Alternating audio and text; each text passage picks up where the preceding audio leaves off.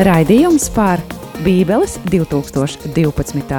gada tulkojuma revīzijas komisijas darbu. Atrasts tulkojumā.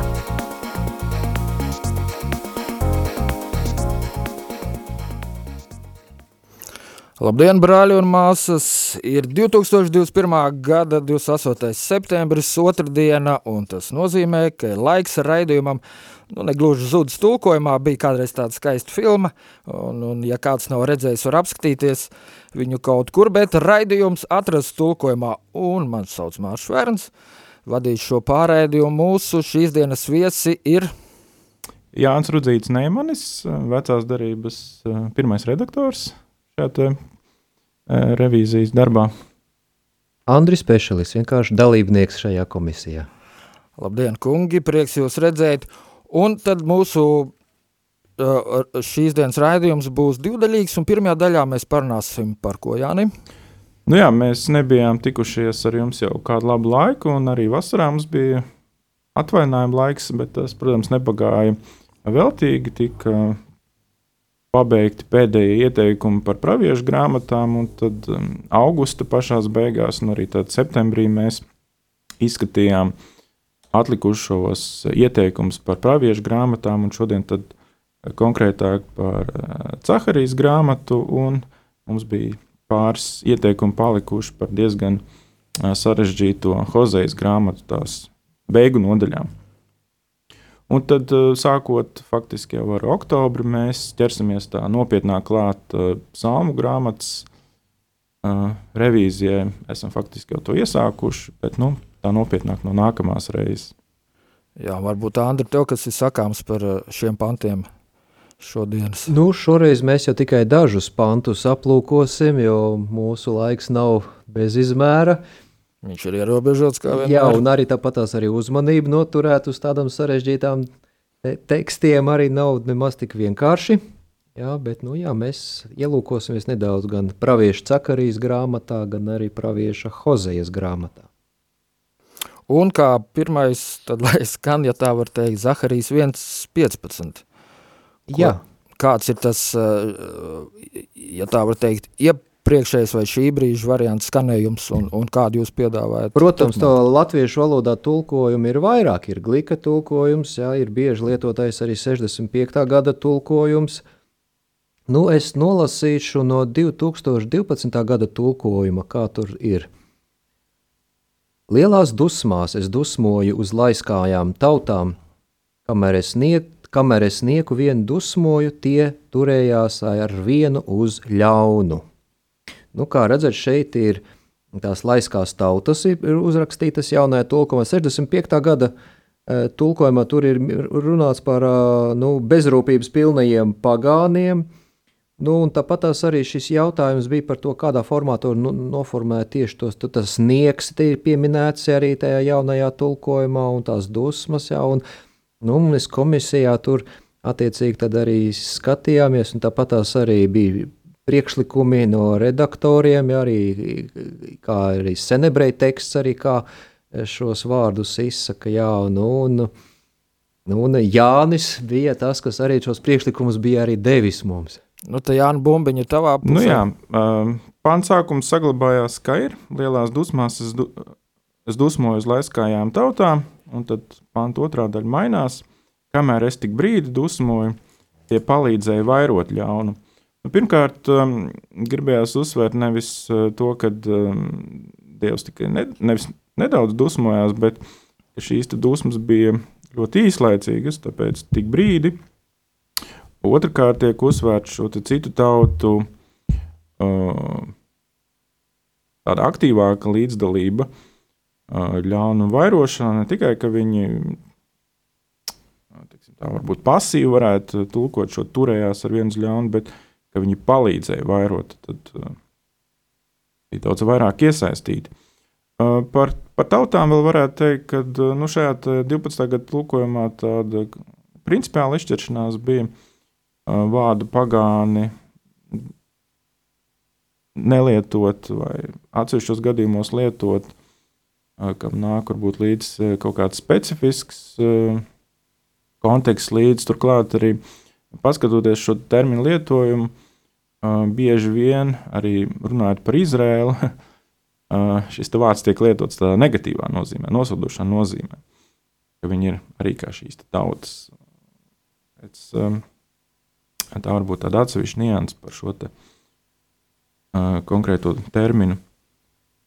Otrs pāns no Zaharijas grāmatas, ko mēs gribējām šoreiz nolasīt, ir par labi zināmo šī te teksta izmantošanu jaunajā derībā. Mateja Vangelija pašā beigās, kur ir runa par jūdas izkarjota nāvi. Šis teksts kā reizes. Jā, jā, tie 30 sudraba graši. Jā, šeit viņi ir sakarījis 11. nodaļas 13. pantā. Un uh, 2012. gada tulkojumā tie ir šādi šis pants. Un kungs man teica, met savu atalgojumu dārgumu krātuvē. Tad es ņēmu 30 šekeļus sudraba un iemetu kunga nama dārgumu krātuvē. Jā, tātad mēs redzam, šis pants, jā, viņš 12. gada šajā jaunajā tulkojumā, viņš ir šādā formā. Vai, Andra, tas varētu būt atvainojos, kā tie skaitļi mums ir 12, 40, šeit kaut kādas saistība nav? Ne, nu, 30. Mēs, mēs zinām, tie jūdas jā, jā, jā, viņi tieši, 30. Tieši, jā. tieši tā es jautāju, tāpēc. Jā, jā, un viņa, tas, arī, tas arī tiek ņemts arī šīs paralēle, ja, kas ir parādās evaņģēlī tekstā, jā, tiek ņemt tieši no pravieša cakarīs. Jā, un, un šis teksts ir diezgan zīmīgs un svarīgs, lai viņš tiešām arī nu, kaut kur tā kā Ir šī kaut kāda saikne ar to, īpaši, ka, ka, ka jūda izkarots kaut ko iespējams izdarīja līdzīgi kā toreiz tie cilvēki. Uh, jā, bet, nu, protams, šis teksts nenozīmē, ka Jūdas tagad izlasīja cakarīs grāmatā šo pantu, un tagad viņš tagad pa visu var gāja viņu īstenot. Bet vienkārši, nu, kā saka, Dieva vārds īstenojās jau, un Jūdam varbūt pašam to Negribot un neapzinot. Nu, kaut ko jau viņš gribēja, jā, kāpēc viņš to darīja, jā, bet nu, rezultāts bija viņam pašam tāds negaidīts, jā, ka viņš nu, saprata, ka to, ko jā. viņš bija plānojis, tas nenotika. Jā, un jaunajā komisijas pieņemtajā variantā šis te teksts skan šādi. Un kungs man teica, nomet podniekam šo dāsnu atalgojumu, par tik vērtu viņi mani uzskata. Tad es ņēmu 30 šekais sudraba un nometu podniekam kunga namā. Nu, te var redzēt, ka parādās pēkšņi potnieks. Nu, par to mums arī bija strīdi, kas tas ir pa cilvēku, acīm redzot, no tempļa personāla. Uh, nu, te bija strīdi, vai nu tas ir tas, kurš pārkausē šo metālu, vai arī uh, pie kura tad. Uh, Bet jā, viņš, jā. viņš kaut kādos senajos tekstos, tas podnieks ir. Ja? Jā, jā, jā. Un otrs svarīgākais, ko mēs gribējām akcentēt, ir tas, kas 12. gada tulkojumā bija kā dārgumkrātuve, iztulkots, tulkot to kā dārgu atalgojumu un tādu tā kā iestarpinājuma uh, forma parādās par tik vērtu, viņi man uzskata, parāda būtībā to, tas nu, līdzīgi kā arī jaunās darbības kontekstā ir būtībā ļoti niecīga maksa par to visu. Nu, 30 čekļi, nu, mēs varam pareiķināt, tas nav daudz, vidēji bija kaut kur viens čekels kādi 11 grāmi, nu tad pareiķināt. Kaut kur bija arī kādos komentāros teikts, ka tie 30 šekeļi varēja būt arī tā kā nu, verga maksa. Ja, vai vergs, jā, jā, vergs varēja, var, varēja sev vergu nopirkt par šādu summu. Bet ir, kas ir interesanti, ja gan jaunais tulkojums, gan arī nu, tas iepriekšējais 65. gada tulkojums, ka tur tie tas podnieks te viņš tur neparādās. Lai gan viņš, protams, tajā ebreju tekstā viņš tur ir klātesošs. Tas ir diezgan grūti paskaidrot, kāpēc viņš nebija parādījies ne tajā 65. ne Jā, tas ļoti interesanti. 2012. gadā. Tur varbūt to varētu pastāstīt kāds, kurš ir bijis varbūt ilgāk tajos uh, darbos un bijis jau pie jaunā tulkojuma, tur tā darba, kas tur bijusi. Tur, tur ir bijušas debatas, diskusijas arī par viņu par kontekstiem. Ja? Un iespējams, tas konteksta jautājums varēja būt tas, kāpēc tas podnieks palika ārpusē. Bet nu, šoreiz mēs komisijā skatījām, ka. Nu, Nu, ja jau oriģināli tekstā viņš tur ir, nu, tad lai ja viņš arī tur ir. Šis tēlotāja mākslas pārstāvs, keramiķis. Jā, un, un, un tālāk ir Hozējas 11.7. Ko par to mēs varam teikt? 11.7. Hozejas grāmata. Nu, 2012. gadā šis teksts skan šādi. Mana tauta ieņēmusies, ka atgriezīsies pie manis, tik augšup tie sauc, visus viņi, viņš nepacels. Nu, tāds tas teksts ir. Nu jā, tie atzīst, ka šis pāns ir um, ļoti sarežģīts. Arī paskatoties, kā citi ir mēģinājuši tulkot šo pāntu, uh, te ir visdažādākie pie, piedāvājumi redzēti. Mums arī bija diezgan karstas diskusijas par šo. Um, nonācām pie varianta, kas skan šādi. Mana tauta tiecas prom no manis, augšup gan tie visi aicina, bet neviens neceļas. Tas ir tā ļoti mūsdienīgi noskanēja. Nu, pat. nu, tā arī ir no vienas puses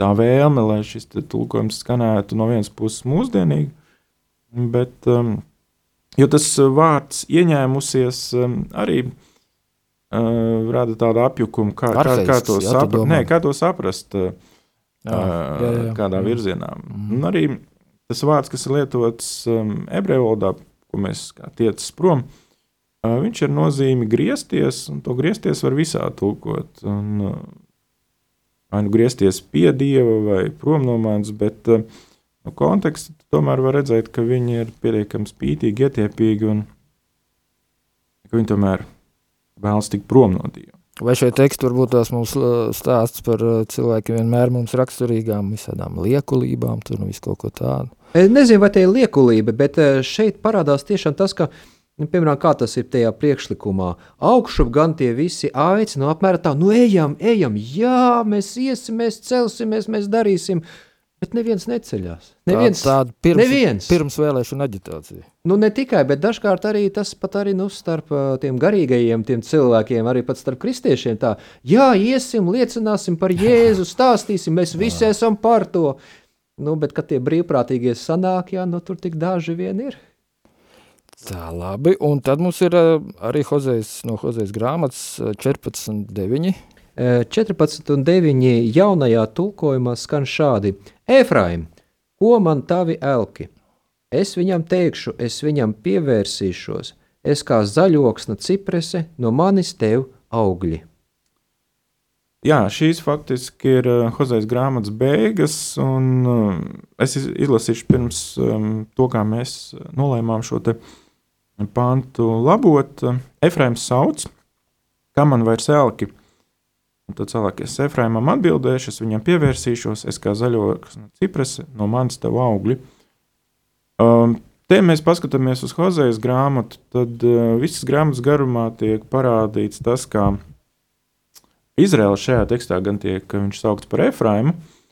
Uh, tieši Hozejas grāmatas kontekstā uh, tas ir saprotams, jo Tas attiecās uz konkrētu vēsturisku posmu, kad no Ziemeļvalsts Izraēlas faktiski bija palikusi pāri tikai neliela teritorija.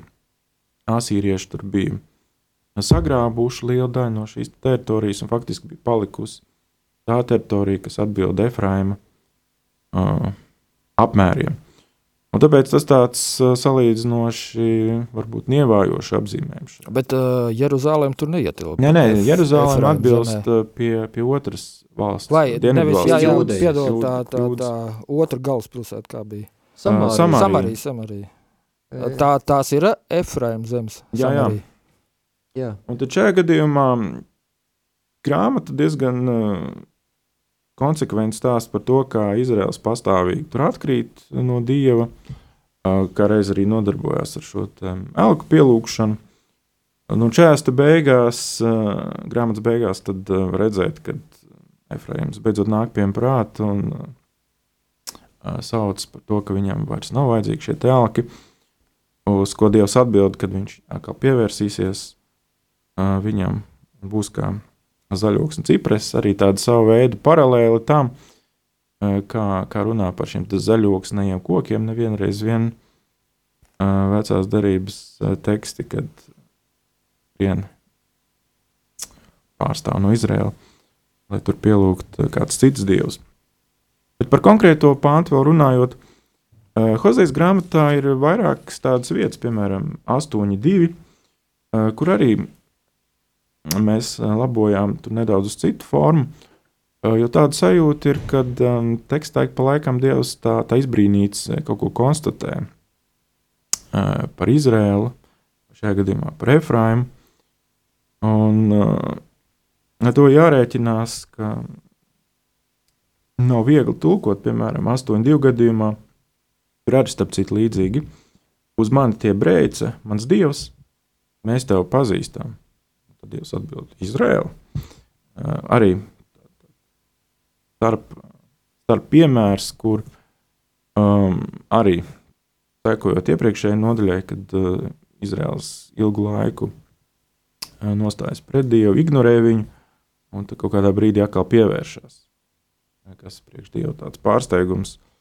Tā kā, nu, protams, šeit mēs labojot šo te tekstu pielikām klāt vārdu sauc, lai būtu skaidrāk un arī nerastos kaut kādas divdomības.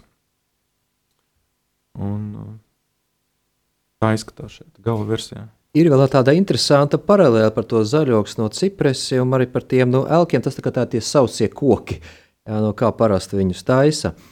Ka tajā brīdī, kad Jēzus gāja uz Golgatu, tad tur bija aprakstā teikts, ka tur vairākas sievas viņu apraudāja. Un tad viņš teica, kam jūs raudat, ja šis notiek pie zaļā koka, kas notiks pie nokautušā. Ja, viņš arī sevi ir salīdzinājis ar šo zaļo uh, koku, ja, un šis kaut kur sasaucās arī ar šo pāntu, kas jau ir vecajā derībā, tieši šeit. Ja. Uh, ka Dievs tiešām vēlās būt tas, kas tās dzīvību dod, jā, tas zaļais koks, kā šeit ir zaļā ciprets, vai arī tas vīna koks, vai eļļas koks, kas arī jaunajā derībā ir šie simboli, kas parādīja, ka viņi, pie viņa ir dzīvība, bet tie cilvēki, tie produkti bieži vien ir tādi nu, sausas pagalas, ja, kur viņi tur apzīmē un kaut ko cer uz tiem koka gabaliem, ja, bet tie jau dzīvību nedod. Jā, vai vēl kaut kas ir piebilstams jums abiem par šitām tēmām? Ja nē, mēs varētu varbūt pirmo daļu pārēdz slēgt, lai skan dziesma, un tad būs otra daļa.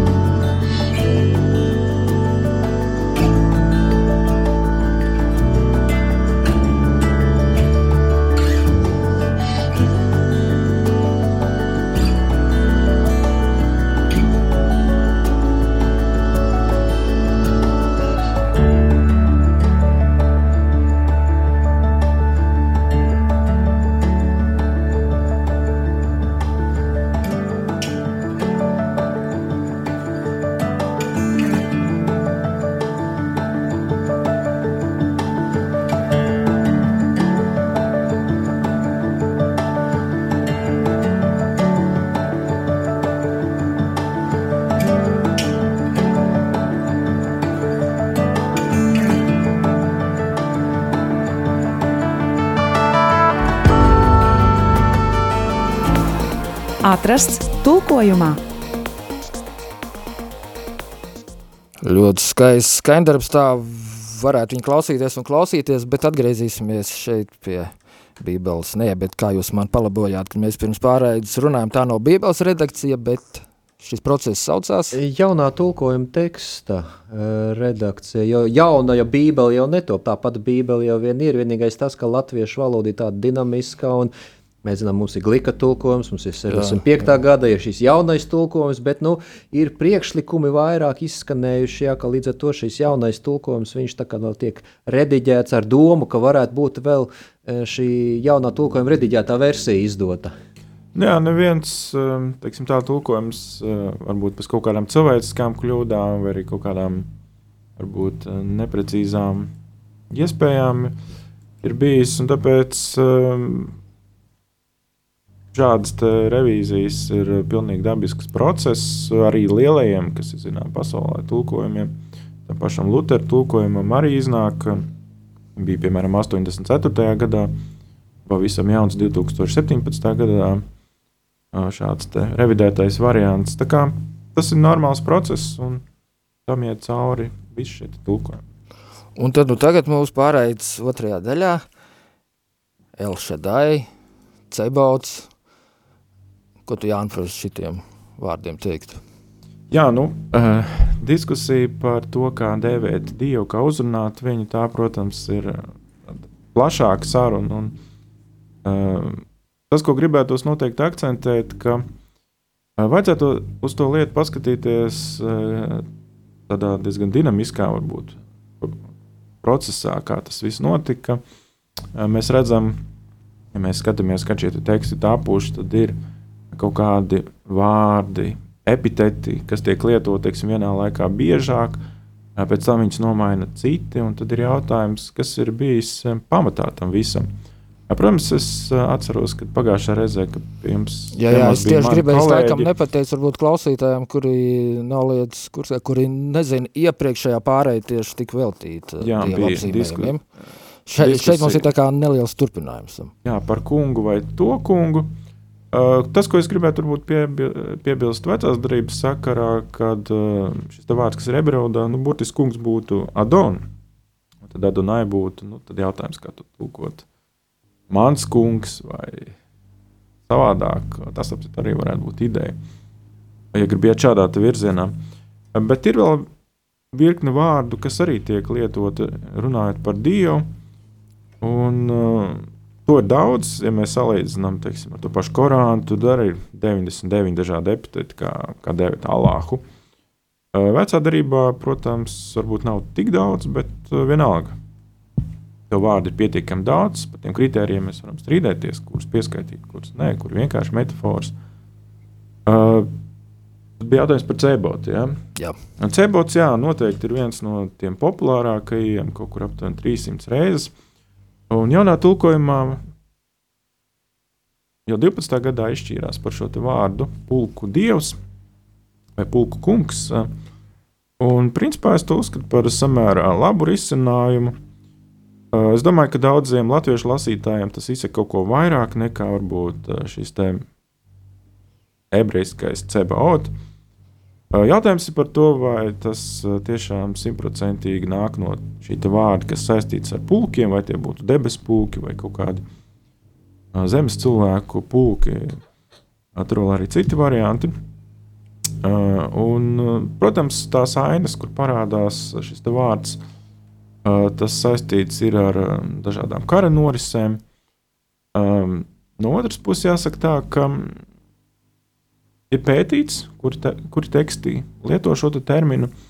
Un tas varētu būt pārsteidzoši. Piemēram, piecās mūža grāmatās šis te termins neparādās. Tur tālāk arī Jozovā soļu grāmatās neparādās. Un kur viņš parādās? Tad parādās, piemēram, ļoti daudz Jeremijas, Iesaistas grāmatā, arī psalmos. Nu, salīdzinoši daudz arī Samuela. Tad, tad, tad, tad tie ir tādi pārdomu brīži. Jā, nu tas uh, parāda to, ka šis te termins ir lietots nu, tā saucamajā monarhijas laikā, tad, kad uh, Izrēlā un Jūdā valdīja Miers. uh, valdnieki, valdnieki ķēniņi. un, um, pēc tam šis te termins uh, ļoti reti tiek izmantots. Un, uh, nu, te, protams, var uzdot jautājumu, kāpēc uh, visbiežāk izskan atbilde – ka tāpēc, kad tas iet kopā ar šo specifisko teoloģiju, kad Dievs kā tāds, kurš aizsargā Izraēla tautu, viņam ir templis Jeruzalemē, kurš aizsargā. Nu, tieši tā, vai aizsargā, tā nav kaut aizsargā. kāda lasītājiem mūsdienās Latvijā neliekas domāt, ka tā ir runa par tiem laikiem kaut kad pirms tūkstošiem gadu? Uh, nu, Pulku dievs, pulku dievs. Nu, jā, nu, tāds dievs, kurš ir karavīgs, kurš spēj aizsargāt savu pilsētu, ja nepieciešams. Bet tā problēma vēsturiski redzot saistās ar uh, situāciju, kas bija 586. gadā, uh, kad Jeruzalem ieņēma. Babilonieši ieņēma, uh, nopostīja gan pašu pilsētu, gan arī templi, un tas um, radīja šo te varbūt triecienu šim priekšstatam. Un tāpēc vēlāk, um, gan trījus tekstos, un jau vēl jau vairāk pēc trījus laika, šo te terminu lieto ļoti izvairīgi. Vai arī tad, kad um, vēlas ar šo te priekšstatu kaut cik uh, diskutēt. Un tā vietā nāk, teiksim, jo īpaši populārs kļūst, piemēram, debesu dievs un uh, citi. Tā ne, neitrālāk. Nu jā, citi vārdi vairs pie šī te termina tik ļoti neatgriežas. Varbūt, Andri, jā, ko tu teiktu? Nu, par cebots, jā, nu, protams, tur ir diezgan gara arī mm, tradīcija, kā šis eh, termins tiek izmantots arī kristīgā baznīcā. Arī pareizticīgo baznīcā, arī vecticībnieku, arī tāpatās arī eh, Dievs cebots, jā, tad eh, šis tituls viņš parādās liturģiskos tekstos, un šīs raksturvietas tiek izmantots.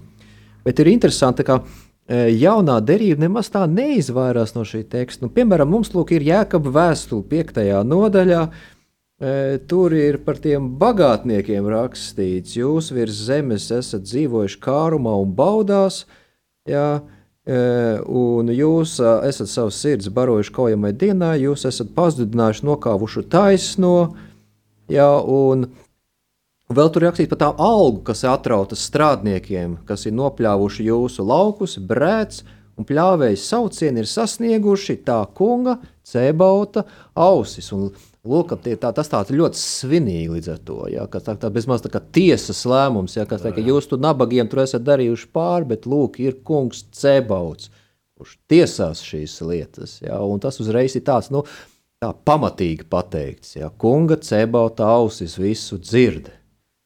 Jā, un uh, savā ziņā, jā, nu, šis um, termins, lai gan, protams, viņš uh, latviešu ausīm skan tās savādi, jā, bet, nu, var viņu pateikt kā pulku kungs, jā, viņu var pateikt arī kā kungs cebots, lai arī viņš nesaprotams, bet tu, tu uzreiz saprot, ka tur ir autoritāte un bijība.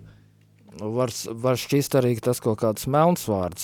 Sveicu Dievu, te mums nes kaut kādu cebotu. E, Nē, viņš ir ebrejisks, tomēr tas vārds. Jā, Viņš... viņš, Tie jau ir tie svešie, zin kā daudz saka. Jā, un mēs jau- Svešs tautas Dievs. mums. Mēs taču arī saprotam, ka uh, tas pats Dievs, kas bija ebrejiem, vecajā derībā, ir tas pats Dievs, kas ir tagad arī kristiešiem. Jā, tur jau nav cita dieva. Jā, nu, tas pats Jēzus bija arī vecajā derībā. Viņš jau Tas latviešu dieviņš, kas par udzlauku iet un tur kaut ko lasa. tie, kas viņu grib viņu tur redzēt, vai viņš tur ir vispār. Tas ir tāds liels jautājums. Viņš jau tā skaisti dainās skan, bet vai viņš tiešām tāds eksistē? Es domāju, zin kā cebots, kaut kas pulku dievs, un tad tur tāds sirmgailis, vaidelots latviešu dieviņš. Jā, nu, latvieši tomēr eh, jāsaka tā, ka tā sauktā latviešu folkloras, eh, šīs eh, dievības atveidojumi, kas it kā liekas tā latviešiem ļoti tuvu, un viņi tā kā nāk no latviešu tautas dziesmām, tomēr mums ir nākās atzīt, ka tā vairāk vai mazāk ir sintēze, jo daudzi šie priekšstati, kādi ir par vienu dievu, Jā. E, Latviešu tautās tomēr visos šos gadsimtos bija izveidojusi kristie, kristietības tradīcija, jā, un tas ir atbildi. Paldies, Sandri, paldies, Jāni. Pie mums bija studijā. Varbūt es vēl varu uh, lūgt jūs nosaukt savus pilnos vārdus. Jā, Jānis Rudzīts Neimans. Andris Piešelis. Paldies, kungi! Tā bija pārēde atrast tulkojumā vadījumā ar Šverns. Tiksimies, cerams, pēc divām nedēļām, ja tas kungs cebots to lems. Uz tikšanos! Visu labu! Visu labu! Raidījums par Bībeles 2012. gada tulkojuma revīzijas komisijas darbu. Atrasts tulkojumā